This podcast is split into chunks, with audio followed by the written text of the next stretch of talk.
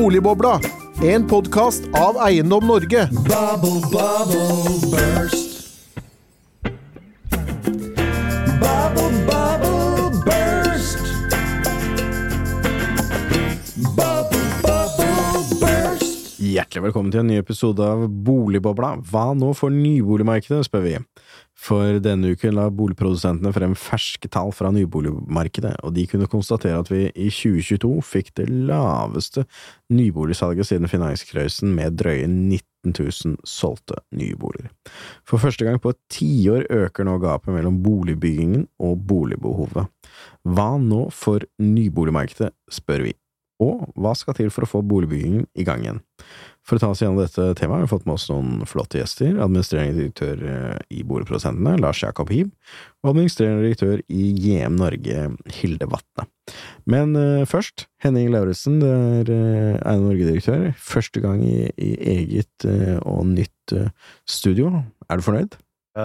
Vi har flotte grønne gardiner, vi har fine spillevegger, vi har TV-skjermer og tipp topp utstyr. Det er bra. Men uh, først uh, til boligprisene og bruktboligprisene, for du la jo da frem Eiendom Norges tall for 2022, og bruktboligprisene for uh, ikke så altfor lenge siden. hvordan ble året? Året startet faktisk med den aller sterkeste prisveksten man har sett noensinne i første kvartal, og så var det ganske sterkt helt frem til og med august. Da begynte prisene å gå nedover, og det fortsatte de med ut året, men hvis vi tar finalen som var desember, så var det ikke så sterk prisnedgang.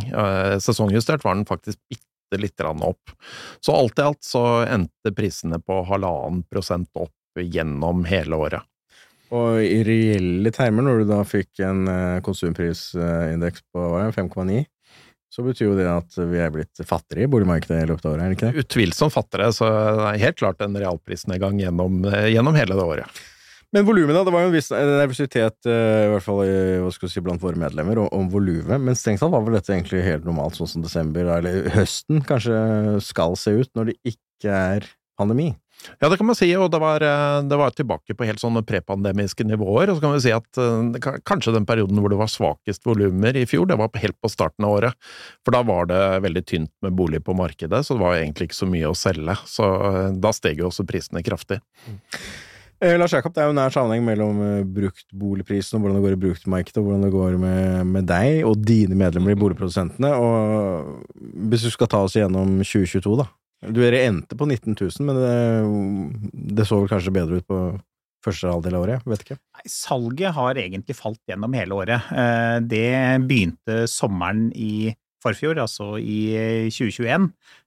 Da nådde vi toppen i den litt sånn koronabølgen som du fikk på, på nyboligsalget. Det var jo egentlig et ganske godt nyboligsalg og boligbygging under Pandemien. Ja, selvfølgelig ikke helt i starten, Nei. når alle satt hjemme og, og, lurte på hvordan denne pandemien skulle arte seg, så, så var det ikke så, så bra. Før de bestemte seg for å flytte? Eh, og, og, eller, og, eller pusse, pusse opp. Det var gjerne én av to, og så ble jobben med å pusse opp for mye, og da kjøpte vi heller en ny bolig.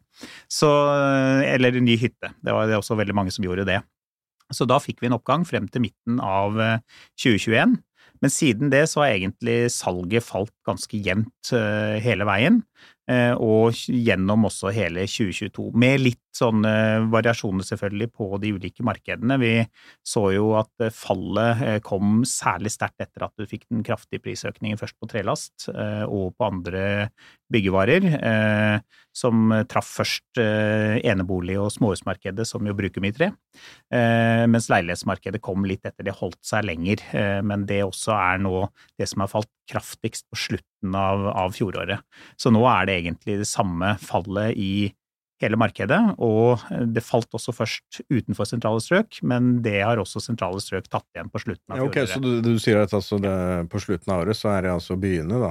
Byer og leiligheter som har tatt støyten, og nå er det ganske jevnt nedgangen fordelt mellom de i hele, hele markedet, for å si det sånn.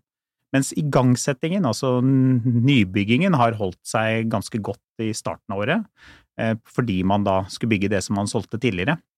Men mot slutten av året så, så vi også at den begynte å falle, og det henger jo selvfølgelig med sammen med fallende salgstall gjennom hele den perioden som jeg snakket om. Så på slutten av året nå så så vi dessverre fall i også igangsettingen, Eh, og det er jo grunn til å frykte at det vil fortsette innover i 2023 på bakgrunn av de salgstallene som vi hadde i fjor. Men det betyr al- altså de såkalte boliginvesteringene, som er jo indikatoren da makroverden bruker, de vil jo da antagelig falle ganske godt fremover, da. Det må vi regne med, at dette kommer til å henge med, fordi det, det tar jo tid å snu markedet, og salget kommer jo nødvendigvis før, og det kommer gjerne en god stund før også. Du, Skal vi komme tilbake til. Ja. Men, men Hilde, du er jo, det er jo du som bygger, om ikke eh, de reelle eh, mursteinene og betongelementene. så er det i hvert fall JM. Dere er jo en av, en av landets største boligbyggere. Eh, hvis du skal oppsummere 2022, hvordan, hvordan så det ut for dere? Det stemmer kanskje godt med det som blir sagt her? Ja, det stemmer jo godt, uh, egentlig, at vi ligger også i halen av de nedadgående kurvene, da, for vi bygger jo stort sett uh, blokkprosjekter og leiligheter i de store byene. Så vi hadde jo, altså etter et uh, veldig godt 2021, så hadde vi egentlig en god start på 2022 også. Og så var det vel egentlig Q4 at at uh, nedgangen i salget begynte å gjøre seg gjeldende i våre primærmarkeder, da. Så, um, så det, um, det er riktig, jeg støtter opp om det. Er akkurat sånn vi opplever det. Så Q4 var egentlig eh, Da så vi et sterkt tilbakefall i antall salg. Mm. Men, men eh, når vi nå har startet på et nytt år, da, inn i januar, eh, er, det liksom ståa den samme? Nei, Egentlig ikke. Så vi har uh, hatt litt uh, Vi har hatt store visningsdag som vi har med jevne mellomrom, hvor vi inviterer til alle prosjektene våre, og det var egentlig ganske positivt. Det var mange på visninger, og vi har også um, signert en del kontrakter i år. Så det, året startet egentlig mye mer positivt enn enn, um, det avsluttet. Kanskje, kanskje um, eh, den relativt Altså, eller prisendringen i desember, den var jo relativt positiv. Så at eh, folk fikk med seg det og tenkte at nå snur det. Og så var jo sentralbanken ganske tydelig på at vi nærmer oss en rentetopp. Og så har vi vært gjennom, eller vi er midt oppi en strømkrise som gjør at egentlig den nyboligpremien bør bli større, fordi at um, eh, vi gjorde, en, um, vi gjorde en sammenligning av en leilighet vi bygde på Torshov i fjor, på 100 kvadratmeter, og en leilighet på Frogner på 100 kvadratmeter fra 1950. Og det koster, eller det tar åtte ganger så mye energi å varme opp den fra 1950. Og nå begynner folk å, å røre seg i forhold til å kanskje se litt på driftskostnadene og på strømkostnadene, så jeg opplever at det blir en ny vår for uh, nyboliger. Og Det er selling pointet, er altså men, men, men det kommer jo ikke til å vare evig, den strømstøtteordningen vi har nå. Så dette kommer Er du, er du sikker på det? Ja, det tror jeg.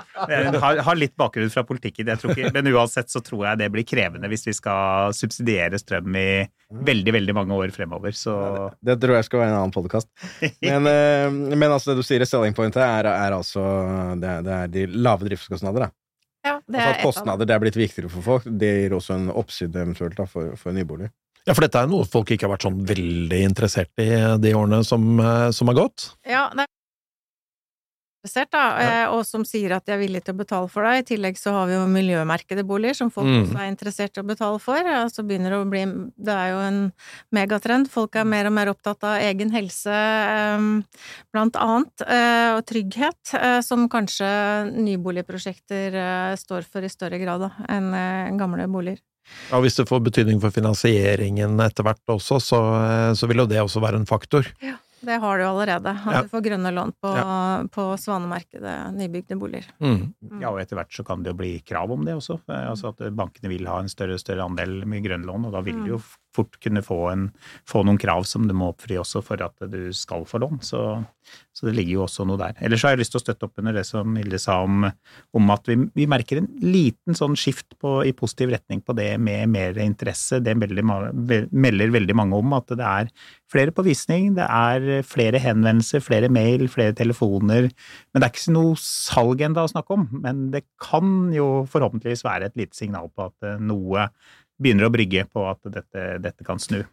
Dette er jo sånn det skal være i januar. Egentlig har vi, har vi egentlig glemt hvordan ting egentlig skal være under pandemien. Det har vært sånn steady go. Det har ikke vært de naturlige konjunkturene. Nei, det har kanskje ikke vært de naturlige konjunkturene, men, eh, men eh, det er vel eh, noen ting som tyder på at, at det er en kanskje litt grann større optimisme i markedet. Det er jo det samme vi hører fra medlemmene våre.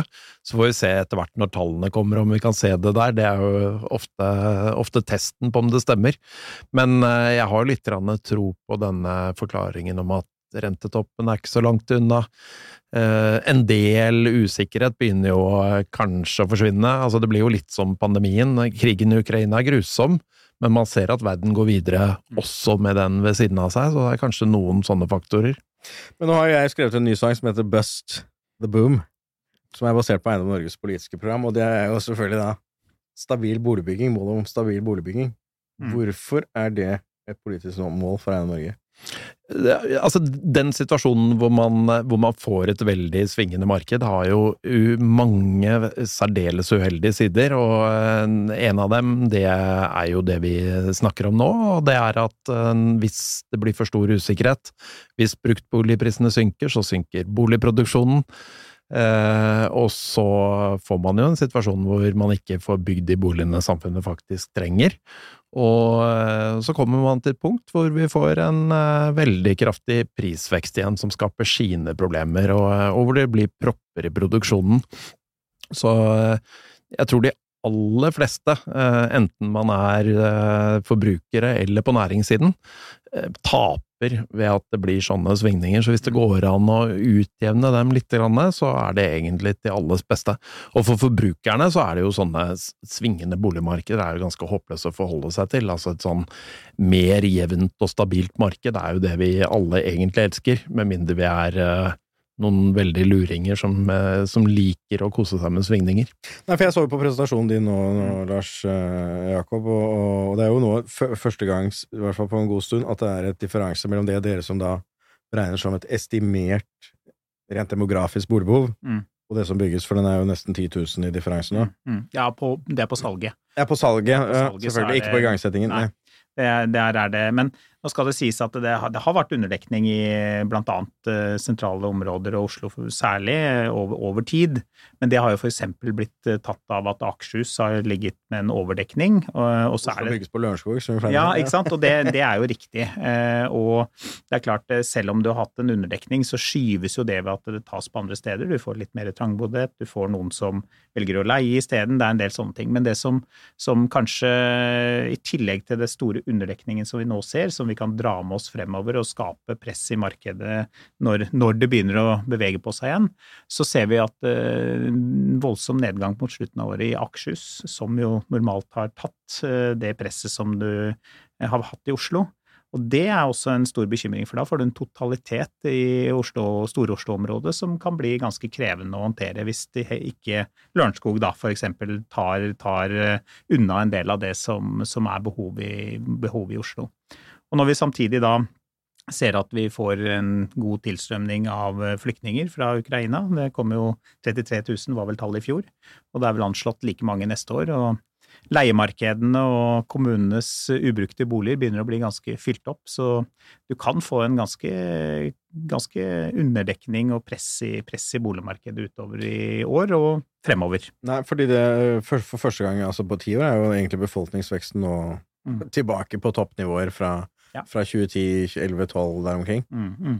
Uh, og det kan jo godt hende at den flyktningstrømmen fra Ukraina den både blir enda flere og varig. Det vet jo ingen hvordan den, den situasjonen Om ikke varig, så langvarig, kanskje. Langvarig er kanskje bedre. Men ja. Det er jo ikke usannsynlig scenario. Nei, og det er jo grunn til å tro at en god del vil velge å bli i Norge uansett hvordan, hvordan krigen utvikler seg, selvfølgelig. Så, så det tror jeg vi bare må legge til grunn.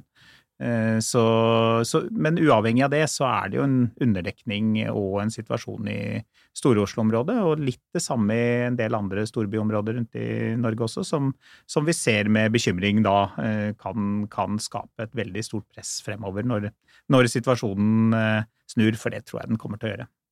Men gitt at vi da skal ha dette målet om stabil boligbygging, hva, hva skal til nå da for å få, få hjulene i gang igjen? da? Nei, altså det enkle svaret er jo å bygge mer. og det, det, det Det har vi er sagt eh, så lenge jeg har jobbet med dette, tror jeg. Ja, ja. I ti år. så, så, og så vil du jo da se Altså hvis det blir for mye bygging, så tror jeg det stopper seg ganske, ganske raskt av seg selv. Men eh, det ene er jo at man må få redusert usikkerhetene eh, i den økonomiske situasjonen både for den enkelte og for utbyggerne. Eh, det handler om mye makroøkonomiske trender og annet, men det kan selvfølgelig også politikken påvirke. Og så er plan- og byggesak viktig. Det er viktige lokale eh, virkemidler som lokalpolitikerne bør og kan bruke for å legge til rette for boligbygging. Og eh, der er det mye å ta tak i, både med saksbehandlingstid, med forutsigbarhet og med dialogen med utbyggerne for å få dette både raskere og mer forutsigbart. Så det er mange små grep som bør gjøres for å få det, få det bedre, og det tror jeg også vil hjelpe på den stabiliteten som jeg er helt enig i at det hadde vært en fordel også for næringen å hatt over tid. Men for å ta det siste først, altså dere har jo nå startet et prosjekt, fikk vi en melding om her, med NVBL, hvor du da skal, skal måle dette, Mm. eh, plan- og byggesaks Ja. kommunene, for å få Ja, altså, hvordan tilstanden faktisk er. Ja, fordi det er nå en gang sånn at skal man få til endringer, og for å identifisere problemene, så bør man ha fakta i bunnen. Eh, Foreningen gjorde en tilsvarende undersøkelse for ti år siden, og kom da fram til en gjennomsnittlig saksbehandlingstid noe i overkant av tre år. Eh, Tallet i I Norge, da, norske ja, ja, kommuner. det er, ja. Tallet i Oslo i hvert fall tyder jo på at vi er vel rundt en dobling, Jeg har jo DN avslørt, og, og vi har hørt tilsvarende tall fra Bergen blant annet.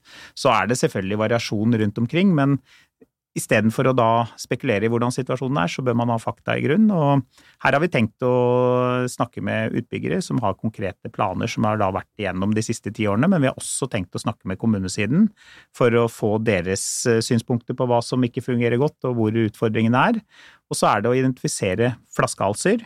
Hvor er, hvor er det det stopper opp? Og forhåpentligvis noen tiltak som kan ta tak i de, de utfordringene også. For dette er, eh, dette er en stor utfordring som er på tvers av akkurat den situasjonen som akkurat nå er med de negative trendene, men mange melder om at de syns dette er tiltatt over tid, at det blir vanskeligere og mer krevende, og det er kostnadsdrivende, og det gjør det, gjør det vanskelig å få til en god boligforsyning rundt omkring. Og jeg opplever jo også at mange kommuner er enig i at dette fungerer ikke godt nok, og flere har jo begynt å ta tak i det, men her er det absolutt mulig å gjøre mye mer.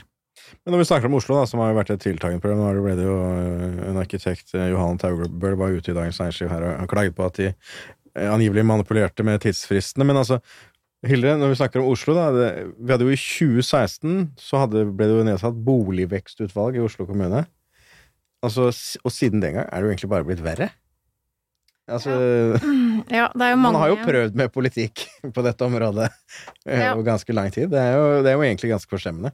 Men de politiske ambisjonene, jeg syns jo de har vært for svake. Altså, som du sier, over mange år, akkumulert underskudd i så mange år. Til slutt så får det ganske alvorlige konsekvenser for eh, boligmarkedet. Så jeg syns jo de politiske ambisjonene kunne vært uttrykt på andre måter um, enn kanskje ved at man skal lage nye rapporter og nye analyser og finne ting man kan tvike på. Så burde det jo kanskje heller da i denne sammenheng vært satt et uh, målsatt. Et. Måltall på ok, vi vil ha et mål om å bygge så så mye, men vi vil ta igjen det akkumulerte underskuddet. I hvert fall bygge så og så mye eh, i, i vår balance. periode, etc. Mm, ja. Mm. Så jeg tror faktisk at det må til, eh, og det eh, Jeg må jo si at jeg syns jo ikke boligpolitikk er høyt nok oppe på agendaen. Etter min mening så er det jo like viktig som som helsepolitikk og arbeidslivspolitikk eh, og andre viktige temaer. Mens, ja, denne eh, helsepolitikk blir mindre viktig hvis folk får egen bolig? ja, det er mye helse i å eie egen bolig. Kanskje det blir mer arbeid? Jeg så fra, og den tryggheten som er i egen bolig, jeg så noen tall fra, fra England nå, eh, i noe som engasjerte meg litt, og som jeg hang meg opp i. Da, da sto det at 40% av alle kvinner som får sitt første barn, de eier ikke sin egen bolig. Altså, de er leietagere. Mm. Da har du en usikkerhet rundt den familiesituasjonen som er ganske uønsket. Ja, for England var jo et eierland, og er for så vidt fortsatt det, men andelen som leier har gått veldig kraftig opp de siste eh, tiårene. årene. Veldig. Ja. Så i 1991 så var det tallet under 15, og nå er det altså eh, over eh, 40. Mm. Eh, Så det har jo også vært inne i debatten, altså Mm. det med å Når du har familie, du har barn, og du, må, du er avhengig av eh, kanskje en privat utleier som plutselig skal ha sokkelleiligheten sin selv, og du må flytte og bytte skolekrets, fotballklubb Altså det er veldig dårlig livskvalitet i det. Mm. Så den norske selveiermodellen med at vi eier vår egen bolig, den er kjempeviktig i, eh, i eh, velferdssamfunnet. Eh, og det syns jeg glipper litt i den politiske debatten. Så, eh, så at politikerne bør være mer opptatt av at vi klarer å holde dette markedet i balanse år etter år, og sette inn konkrete mål, sånn at vi faktisk klarer det. Men jeg, jeg husker jo jeg jobbet med mange av disse tingene lenge, og sånn for 10-15 år siden så satt vi og pratet om dette på nesten akkurat samme måte. Eh, Er det, altså, er det liksom en eller annen svikt i noen strukturer? Er motivasjonen for kommunene til å tilrettelegge for boligbygging, er den sterk nok? Altså, er det eh, det, burde det vært gjort noe med kommuneoverføringer eller andre ting som, som på en måte gjorde det mer økonomisk gunstig å tilrettelegge? Det er jo noe jeg egentlig lurer på. Mm. For jeg er jo redd for at eh, Ja, det er som jeg eh, liksom har tenkt noen ganger, da, hver gang jeg har vært på sånn frokostmøte hvor vi diskuterer hva skal vi skal få til, så går liksom saksbehandlingstiden Jo flere frokostmøter, jo mindre boligbygging. Ja.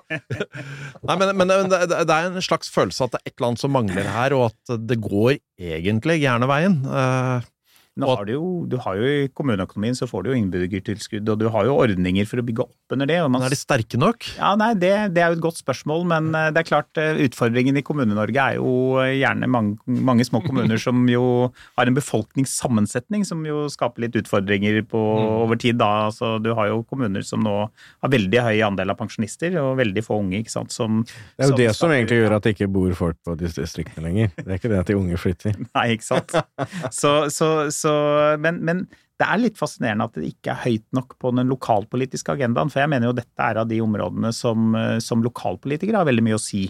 Kanskje vel så mye som de sentrale politikerne, selv om de selvfølgelig også må ta, ta sin del av ansvaret. Så, så er dette egentlig et ganske interessant og viktig lokalpolitisk tema. Både hvor skal man bo i kommunen, hvilke befolkningssammensetning skal vi ha, hvordan har vi lagt til rette for det, hvordan henger dette sammen med det som gjerne preger dagsorden, som jo er infrastruktur og veier og T-bane og, og andre sånne typer temaer, som, som da tar litt fokuset bort fra den andre delen, som, som jo mm, alle vanlige nordmenn er veldig engasjert i. Det ser vi jo, vi som jobber med boligtall og annet, at dette er, dette er godt stoff, og dette er folk engasjert i. Så det er litt rart at det ikke er den samme koblingen med lokalpolitikere og, og eh, temaene opp mot eh, lokalvalg, f.eks. Det er jo lokalvalg nå rett rundt hjørnet, og øh, strengt talt, i hvert fall her fra Oslo og mange andre steder også, så bør jo dette være en av de viktigste sakene. Ja, det syns jeg.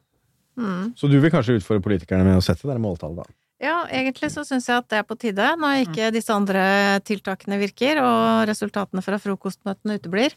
Eh, så eh, Det og blir dette- færre frokostmøter, flere mål. Ja. Det kommer jo veldig mange tiltak opp i det boligvekstutvalget. Eh, Jeg tror ikke det er så veldig mange som har gjennomført. Det er vanskelig å samle Ja, seg. kommunen påsto de hadde gjennomført det, da. det, de evaluerte den, så det er interessant nok. Ok. Men eh, da har effekten uteblitt, da. i så.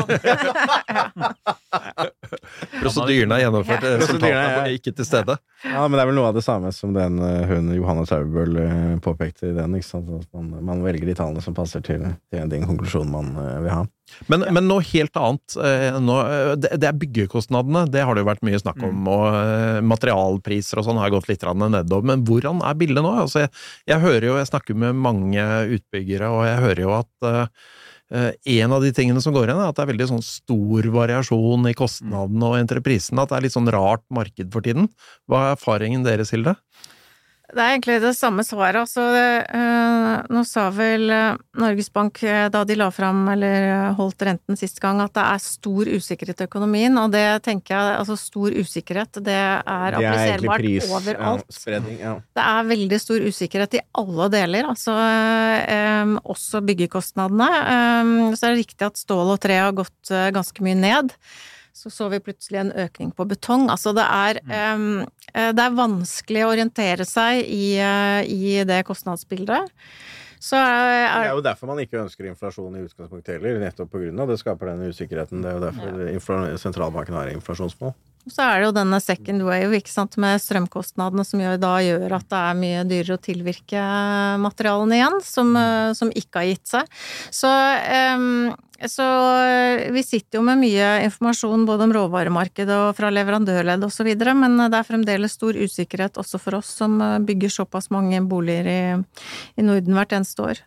Når det gjelder underentreprenører, så, så, så var det jo eh, Gikk for fulle maskiner, ikke sant, inn i 2022. Eh, Nå begynner markedet å endre seg litt, så eh, den marginreduksjonen som eh, byggherren må ta, den begynner å spre seg litt utover i verdikjeden for at Mm. eh, vi skal holde flest mulig i jobb. Så det er vel en endring som vi ser. Men totaltallene viste jo altså byggevareindeksen til SSB. altså Byggekostnadsindeksen gikk vel opp i fjor med drøyt 6, og Mm. Av det så var jo byggevare 9, 9, et Var eller jo over annet. Mm. ja. Men siste tallene fra desember tror jeg var på 9, 9 Det et gikk eller annet. Ja, ja, Mm. det gikk så vidt ned i desember, men det er jo mer en utflatting på et mye høyere nivå enn det det var. Så det er klart, eh, selv om noen ting går ned, så har jo andre ting gått opp, og dette blir jo drevet av mm, forsyning, altså leverandør, forstyrrelser i leverandørkjedene, og at andre råvarer blir dyrere, bl.a. drevet av strømpris og andre ting. Så det er, jeg, tror ikke vi skal regne med at de prisene faller veldig mye, men det er, jo, det er jo et håp om at det kanskje går noe ned, og så kan man jo håpe at det Altså at risikotilleggene blir litt lavere rundt omkring, for det, Ja, det har de nok- har det vært mange av det ja, siste. Ja, fordi det har vært stor usikkerhet, og det, det er forståelig. Men de er det jo et håp om at det kanskje kan gå litt ned, og da det kan hjelpe på, på bildet. eh, Sånn at det blir litt bedre lønnsomhet i prosjektene. Eh, Men eh, det er, det er mange faktorer som må enda mer på plass før det, før det i hvert fall kommer godt i gang igjen, tror jeg. Men altså bygg og, bygg og anlegg er jo den største fastlandsnæringen, eh, både i kroner og øre og i antall sysselsatte personer. Også de første varslene om hva skal vi si, resesjon, om man kan kalle det i gåstegn, det var jo da arkitektene begynte å komme varsler om arkitekter, som da uh, startet med oppsigelser. Og så siden har det kommet da var det Moelven som har sagt opp eller redusert bemanningen, permittert. Uh, vil dette bare tilta uh, fremover, og i hvilken grad vil det tilta fremover? Nei, Det er jo flere av våre medlemmer som har vært ute og varslet permitteringer og oppsigelser. Både hytteprodusenter og, og boligprodusenter som har vært ute og sagt det. Og jeg vet jo at det er flere som har dette til vurdering. Men jeg opplever at veldig mange prøver å holde litt aktiviteten i gang for å ta vare på, på fagfolka sine. Fordi de, er, de er mye verdt, og, og det trenger man. Fordi de fleste regner jo med at dette skal opp igjen. Det er jo disse svingningene. i de underliggende behovene, så skal man Ja. jo tro det. Ja, ikke sant. Så, så det er jo ikke sånn at eh, norske folk har mistet behovet for nye boliger. Så det, det ligger der i høyeste grad. Det, det ser vi jo på tallene. Så, så det å prøve å beholde en god del av fagfolkene, det, det jobber jo mange med. Men at vi bl.a. kommer til å se flere permitteringer, det tror jeg vi må regne med utover våren i hvert fall. Men altså et sånt uh, worst case-scenario er jo egentlig at dette fortsetter nedover. Mm. At det ikke hva skal du si, flater ut fra det nivået du nå presenterte. Mm. Eller hva? Ja, altså at eh, Vi kan jo håpe i hvert fall at ikke nedturen er like bratt fremover, at du i hvert fall ser en utflating. Men jeg, jeg driver ikke med prognosemakerier. Jeg ser på, ser på fakta, og så har jeg håp om at det både flater ut og skal, skal kunne snu i løpet av året. Men uh, for å vende litt tilbake til de politiske løsningene her, da. Altså, alle elsker Husbanken. Om det er ett tidspunkt man skulle elske Husbanken, så er det vel nå. Det er vel nå Husbanken skal drive den såkalte motkonjunktur... eh, Hva skal du si? Være motkonjunkturbank, eller hva? Ja, nå skal vi vel ikke egentlig ha motkonjunktur, da, fordi det er jo et ønske at du skal få litt brems i økonomien, men du kan ha litt motkonjunktur på boligbyggingen i seg selv. fordi det er klart, eh, det som er ulempen nå, er jo at det er noen sektorer som tar hele, eller i hvert fall en stor del av belastningen med at man skal stramme inn, mens andre sektorer går så det suser fortsatt. Og det å bruke renta som virkemiddel er kanskje ikke alltid så treffsikkert. I hvert fall så treffer det boligbyggingen, og det vi står for, veldig hardt, men kanskje ikke de Det er litt som å bruke hagle når du burde bli rifle. Ja, ikke sant. Så, så, så, så det gjør at du kanskje må se på noen av effektene, og der er Husbanken et virkemiddel som jo kan dempe, sånn at du, du ikke får en eh, og får, igjen, får i gang aktivitet også. Husbanken ble jo brukt veldig aktivt i forbindelse med finanskrisen. Vi, Det er såkalte grunnlån, er det ikke det det heter? ja, det, men da, da hadde vi faktisk eh, noen kvartaler vi målte i statistikken vår hvor eh, det, det ble gitt flere, støtte til flere prosjekter i Husbanken enn som faktisk ble bygd. Så, så akkurat en liten periode så var det voldsomt, ja. Så var det, var det voldsomt. Men det var en veldig stor andel. Det har selvfølgelig falt tilbake, fordi det er ikke like viktig når det går greit. Og det er klart det er en ekstra mølle å måtte gå til, gå til Husbanken, men de har gode ordninger som kan brukes bl.a. For, for miljøinvesteringer. De, de vilkårene er overkommelig å oppfylle, og, ikke, og, da får du jo et lavere lån til, til, kunden, som jo er en fordel i seg selv. Du har jo også livsløpsstandard, og, men man bør jo se om det kan brukes enda mer. Og ikke minst så bør man sørge for at det er nok rammer i Husbanken til at de prosjektene som da fortsatt har en lønnsomhet, kan, kan komme i gang med eventuelt en, en støtte, viss støtte fra, fra Husbanken. Så det er, det er, ikke det som snur, snur, alt, men det kan være et bidrag til å holde aktiviteten noe mer i gang. Hilde, Husbanken, er det noe som dere kunne benytte dere av? Eller benytter dere av? Ja, av og til så gjør vi det, og det er jo aktualiserer seg jo nå, altså for, å, for at flere skal få lån. Eller så er det jo de nye boligsalgsmodellene som også er et virkemiddel for å, um, at flere skal komme inn på markedet, som vi så vidt har lansert deleie, og flere har jo gjort det før oss. Uh, så og jeg er jo spesielt da, når vi har dette underskuddet av, av nye boliger, eller i, spesielt i Oslo og Akershus, og kanskje også Bergen og noen andre byer, så er jeg jo spesielt bekymret for de yngste altså den nye generasjonen som kommer, som da blir henvist til et utleiemarked. De har ikke, kanskje ikke egenkapital til å komme seg inn, der foreldrebanken blir avgjørende for dem. Um, de kan, hvis de har den, da. Hvis de har den, ja. De som er så heldige å ha den. Så, uh, så, det er en måte for noen flere av dem å komme seg inn i markedet. Um, hvis ikke så blir de det som, uh, som jeg tidligere har kalt generasjon leietagere som vi ser fra flere andre land. Eh, altså ufrivillige leietagere. Ufrivillige leietagere. Mm. Vi, vi gjorde en undersøkelse hjem eh, i fjor, og, og da var jo spørsmålet kanskje litt sånn naivt spørsmål, men det var hvor mange har tenkt å leie, eie sin egen bolig i løpet av livet, det var 97 ja, så, så alle, alle, vil eie? Ja. ja så, så, de aller fleste er ufrivillig. Det var de 3 Nei, det, det skulle jeg likt visst. Det er globetrotterne og noen andre. Ja. det er, sånn det er de som bor i båt, det. De som bor i båt, ja. Men, båt og telt. Så derfor så er det du sier, Henning, altså de aller fleste leietagere er ufrivillige. Mm. Og når vi vet altså leieprisene har jo gått opp utrolig mye mer enn konsumprisindeksen i siste årene. Det blir dyrere og dyrere å leie, og du kommer inn i en sånn ond sirkel. Og hvordan skal du da klare å spare til egenkapital? Mm. Så jeg tenker at de nye boligkjøpsmodellene er en løsning, men det øker ikke antallet de vi legger over til deleie eller, um, eller leie til eie eller andre ting, de tar vi av det totale reguleringsvolumet. Mm. Så det løser ingenting. Det, bare, det, blir bare noen andre som får boligen, egentlig? Ja, egentlig. Ja. Du bare utvider uh, til, ø, markedet litt, så det er mm. flere mm. som kan komme seg inn, da. Hvis vi skal mm. være bekymret. Så hovedløsningen er å få flere boliger, men ja. dette er en bra løsning for å hjelpe de som ikke har foreldrebank, ja. blant annet. Ja. Og de unge generelt, da. Mm. Nei, men du kommer ikke unna. altså Jeg syns jo det er veldig bra. Og det er jo viktig at du får, gir flere muligheten til å komme inn på boligmarkedet. Det er en viktig verdi nettopp for å bygge, støtte opp under det som jo er den norske boligmodellen med at eh, flest mulig ønsker, ønsker å eie. Men alt dette er jo noe som hjelper. Men den store tingen som handler om, er jo å få bygd nok, sånn at du nettopp støtter egentlig opp under også den norske boligmodellen med det. At det er nok tilgjengelige boliger til at du får deg en trygg og god eh, både investering og en bolig som gir den tryggheten som, som jeg opplever at eh, de fleste nordmenn syns er viktig. 97 da, tydeligvis. Mm. de som vil få båt. Men Henning, vi, vi kjørte jo hardt på, på utlånsforskriften og, og lettelse den uh, før jul. Du presenterte jo også et regnestykke på hvor kraftig kjøpe, eller hvor sterk kjøpekraftsforbedring lettelsen som nå kommer, kom fra 1. januar, faktisk innebærer. Ja, man, man Hvor ta, eh, stor betydning kommer dette til å få? Eh, antagelig så er det en, en, av de tingene som gjør at det er litt positiv stemning i øyeblikket, fordi det øker finansieringsmuligheten for en del. Mm. Og bare for å ta ett eksempel, altså en singelperson som tjener 500 000, fikk 1,85 millioner maksilån etter forskriften før jul får nå 2,25 millioner i lån, og det kan være være eller ikke være hvis du skal komme deg inn på boligmarkedet.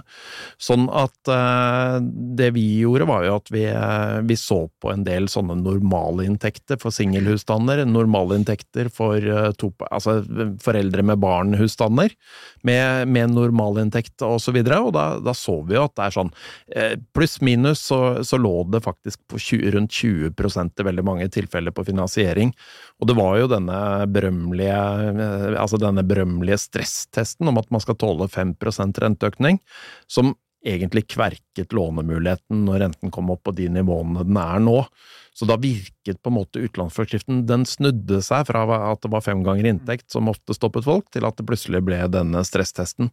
Og da var det, må jeg si, at eh, all berømmelse til, eh, til regjeringen og finansministeren akkurat for å dra ned denne stresstesten til tre prosentpoeng. Og vi var jo på møte samme dag som han fattet beslutningen også. Vi må jo si at han nikket til det som ble sagt. Ja, det er jo helt riktig. Men, eh, men, men, det er klart eh, Jeg tror dette var en veldig viktig ting å gjøre det markedet vi var i i øyeblikket. Og det er klart, nå er det flere som har finansieringsmulighet, og konsekvensen av ikke få dette på plass ville både hatt konsekvenser for markedet, men antagelig ført til at den der listen som, eh, som Hilde prater om, om de ufrivillige leietakerne, den ville blitt enda noe lenger. Mm. Men uh, Norges Bank skal rentemøte, da. Det er jo den, uh, hva skal du si, virkelig uh, ikke atomknappen, forgasseren, som vi mm -hmm. kan kalle det, i boligmarkedet, i, i mars. de kommer jo sannsynligvis til å sette opp renten enda en gang. Hvor bra blir det for det vi holder på med her, da? Boligbygging? ja, altså, jeg er litt usikker, fordi eh, som vi var inne på i sted, så, så, tror jeg de fleste nå innkalkulerer at du enten er på toppen, eller har innkalkulert den den ekstra som kommer i mars. For det er veldig få som tror det blir noe mer enn det. Så jeg tror allerede litt av den effekten at vi nærmer oss eller er på toppen, er der. Men eh, for vår bransje så er det ikke noe tvil om at det er nok nå. Altså Vi ser jo at dette er et, ja, vi ser jo at dette er et effektivt virkemiddel overfor uh, boliginvesteringer. Det er det jo ikke særlig tvil om. Ved utgangen av 2022, eller ved inngangen av 2022, på utgangen til 2022 var jo på 1,25. Vi endte jo da på 2,75. Det er jo over ja, dobbelt så mye. så, så, det er klart, det, det har hatt en virkning på vårt marked, og det har i høyeste grad virket innstrammende. Så Eh, sett, mot, sett, fra vårt ståsted og det vi representerer i hele, både det vi holder på med og hele verdikjeden, så har jo dette hatt en kraftig innstrammende effekt. Så det er litt som jeg var inne på tidligere, er det, er det sikkert at vi skal fortsette å skru på akkurat den bryteren for å stramme inn mer hvis det trengs? Det syns jeg kanskje ikke bare man skal se på sentralbanken, men også se på, på regjeringen og finanspolitikken. Altså du vil heller lete på utlånsforskriften du da, eller? Ja, altså Den har det jo kommet en justering på som Du, du kunne sett for deg at du gjorde enda større lest. Ja, men, men, jeg tenker kanskje at man skal se om det er andre ting som kan virke innstrammende i økonomien på pengebruk som det offentlige gjør på andre områder, f.eks. Som, som kanskje da hadde vært mer riktig å bruke. Ikke bygge Stad skipstunnel, f.eks.? kanskje ikke det prosjektet som haster mest akkurat nå, nei. men jeg vet ikke om det men, men, jeg tror ikke det akkurat er det som endrer rentebanen til Norges Bank, om man bygger Stad eller ikke. Den utgjør 0, jeg tror du må se på ja, ja, ja. Men, men så, så, poenget er det at uh, jeg mener det ikke er nødvendig med noen mer rentehevinger nå, gitt at uh, den treffer de stedene som allerede innstrammingen har truffet hardest, da, for å si det sånn. Så andre ting hadde nok vært mer hensiktsmessig, men det kan komme i høyeste grad uh, mulig at det kan komme en, en eh, liten heving til. Eh, men merker jo at når man begynner å nærme seg, så, så er det jo i hvert fall ett usikkerhetsmoment borte, og det kan bidra til at flere begynner å se på nybolig igjen. Sammen, og så må noen flere brikker falle på plass for at vi, vi er der vi bør være igjen. Hilde, du vil ikke ha en renteøkning til, går ut fra? Eller to? Uh, nei, altså jeg tror, eh, som Lars Jakob sier, altså at folk har regnet inn én til, men jeg tror det aller viktigste er signalene. At det, på en måte, mm. at det som kommer um, av signaler ved siden av hva som skjer med, med renten, er at det gir forutsigbarhet. Uh, og at uh, rentebanen trygges, på en måte. og så er jeg jo enig i at nå har boligmarkedet blødd nok, så at det kanskje kunne finnes andre virkemidler. Det var en annen podkast, denne strømordningen som du sa, men det kunne jo vært et stikkord, da.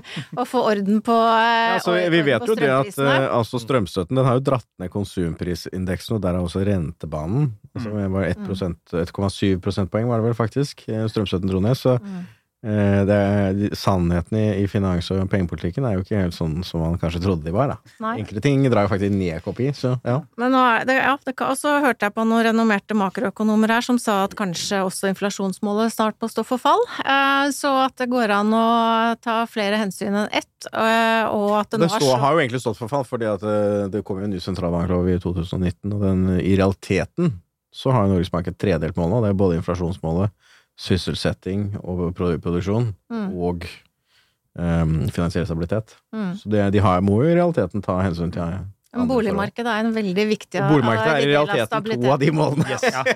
Altså, så, så, det, så det er jeg enig i. Altså, så Det er um, boligmarkedet som er finansiell stabilitet. for, eh, for folk flest så er det jo faktisk det. Mm. Altså, Men, men, det Litt betalingssystem òg, men, ja. men det er jo litt interessant, da, gitt den problemstillingen som dere dro opp i sted, som jeg syns er veldig interessant. Hvordan skal man få mer stabilitet over tid i boligforsyningen? Så er det jo en utfordring, da, for å trekke opp de virkelig store perspektivene, at boligsektoren og byggsektoren er den som brukes som konjunkturvirkemiddel i finanspolitikken ofte. Ja. Ikke sant? Du altså, gir- hva var det det man gjorde i bruker den til oljebremsen? å- Da ja. skulle du gønne på med infrastrukturprosjekter, byggenæring etc. Ja. fordi det, det går forholdsvis raskt. Men det gjør jo også at du får disse svingningene. Så det, et veldig Ja, paradoks, det er ikke noe tvil om ikke det. er det. Og det, så, så det er egentlig en veldig interessant diskusjon. Men jeg tror ikke jeg klarer å ha svaret på det over natta, det tror jeg, men det er, det er en veldig interessant podkast. det er veldig Sånn, interessant diskusjon, for det er jo sånn helt dere åpenbart. altså Under oljebremsen, hva var det da Siv Jensen gjorde, eller Erna Solberg? Du satt jo i den regjeringen også. Det var jo å, å gi motkonjunktur til, til den type byggenæringen. Jo, ja. Og boliginvesteringene ble jo faktisk motoren i norsk økonomi Mm. i de årene hvor oljeprisen var så håpløst lav eh, etter oljenæringens Ja. ståsted. Ja. Så gjorde man selvfølgelig en del andre ting for å prøve å omstille også. og Man hadde bra med gründervirksomhet og en del andre elementer, men det er veldig lett å gi gass ved å putte penger på, på byggsektoren. Og tilsvarende nå, som vi ser når du da bruker renta som innstramming, så treffer det bygg og særlig bolig hardt. Men altså, nå, nå varslet jo Kommunaldepartementet at de, de skulle ha noen sånn uh, Se hvordan det skulle bli flere boliger. Altså, det er jo mye man kan gjøre på reguleringssiden, blant annet. Altså, man har jo i realiteten lagt alle mulige gode hensikter i, i samfunnet inn i boligen. Mm. Altså til tilgjengelighetskrav, miljø etc., etc. Det har jo noen kostnadselementer.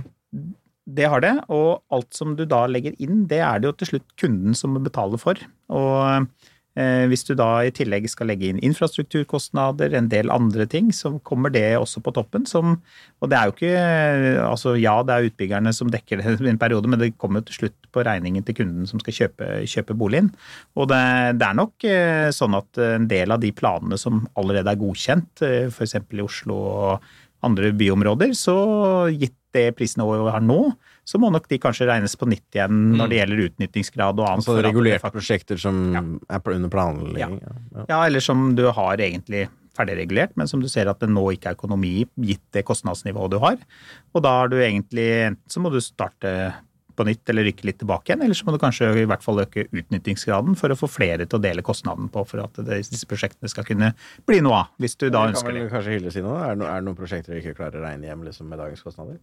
Ja, Nå er det jo sånn fra prosjekt til prosjekt at vi må, vi må være utrolig nøye på både kostnader og inntektssiden, men eh, det er ikke akkurat eh, det tiden for superprofit, nei, det kan jeg bekrefte. Eh, så, eh, men, og så er det litt det der med boligtilbudet, da. Det å øke tettheten litt, ikke sant. Altså, og da snakker jeg jo kanskje først og fremst for Oslo, da, men eh, men det at vi ikke klarer å få opp um, utnyttelsen i knutepunkt, hvor vi har investert uh, millioner på millioner på millioner på Milliarder, kanskje? til ja, ja, ja, i hvert fall på noen baner så har vi jo det. Men um, på, um, altså på T-banestasjoner, på, mm. på infrastruktur, så må vi kunne klare å øke tettheten der. Uh, både for å få opp antallet og få ned kostnadene. Så, så det handler jo også om politisk vilje og styring, eh, tenker jeg. Nei, Vi ender ned på politisk vilje og styring. Det løper tiden av gårde her, så jeg tror vi må gå inn for landing med det. Men først, vi har en fast spalte her, og det er jo din, din første bolig. Hva kjente du, hva følte du, hva, og gjerne hva betalte du også? Eh, Lars Jakob, du har vært der en gang før. Mm. Men du har jo også hytte, har jeg sett. Din, Din- første hytte. Min første hytte, ja. ja. Første hytte, det er kanskje den som var Ja, det jeg jeg leid på din, eh, din kones Facebook. Ja, nei, jeg har leid hytte før jeg kjøpte, for å sjekke at vi var både Det var leid til eie. Ja, nei, det var ikke helt det, men det var i samme område for å sjekke at vi var hyttefolk, og at vi trivdes i området. Så nei, det var en hytte i Gausdal kommune, eh, like ved Skeikampen. Austli heter området. Eh, Saltdalshytte, som vi kjøpte i 2018. Som vi er veldig godt fornøyd med. Den, eh, Medlemshytte, til og med. ja, det, det er eh, Obligatorisk. Ja. Det var før jeg visste at jeg skulle ha dette ansvaret. Så, men jeg kan også bedyre at det var flere av de andre medlemmene i hytte, hytteprodusentene som vi har hos oss, som jeg også var innom og tittet på. Som også var gode prosjekter. Mm. Ja, det er bra. Eh, Hilde, din første bolig, hva, hva, hva kjente du, hva følte du? Hva betalte du? Eh, ja, den eh, var i Hoffsjef Løvenskiogsvei på Ullern. Så kjøpte jeg en sånn skuff nederst i en Selvåg-blokk, rett før jeg begynte å jobbe i Selvåg, faktisk. Skuff, jeg hadde to hunder, så jeg måtte ha, ja, ja. ha utgang eh, eh, gressmatte. Så den betalte jeg 750 000 for. Oi, det var dyrt. Ja, men den var veldig stor. og det var da Når var dette? Det var i 1992.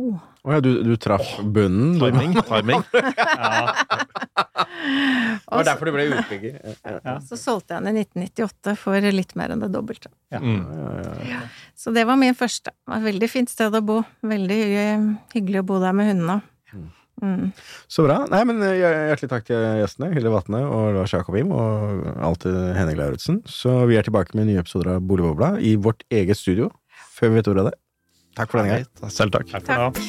Boligbobla, en podkast av Eiendom Norge.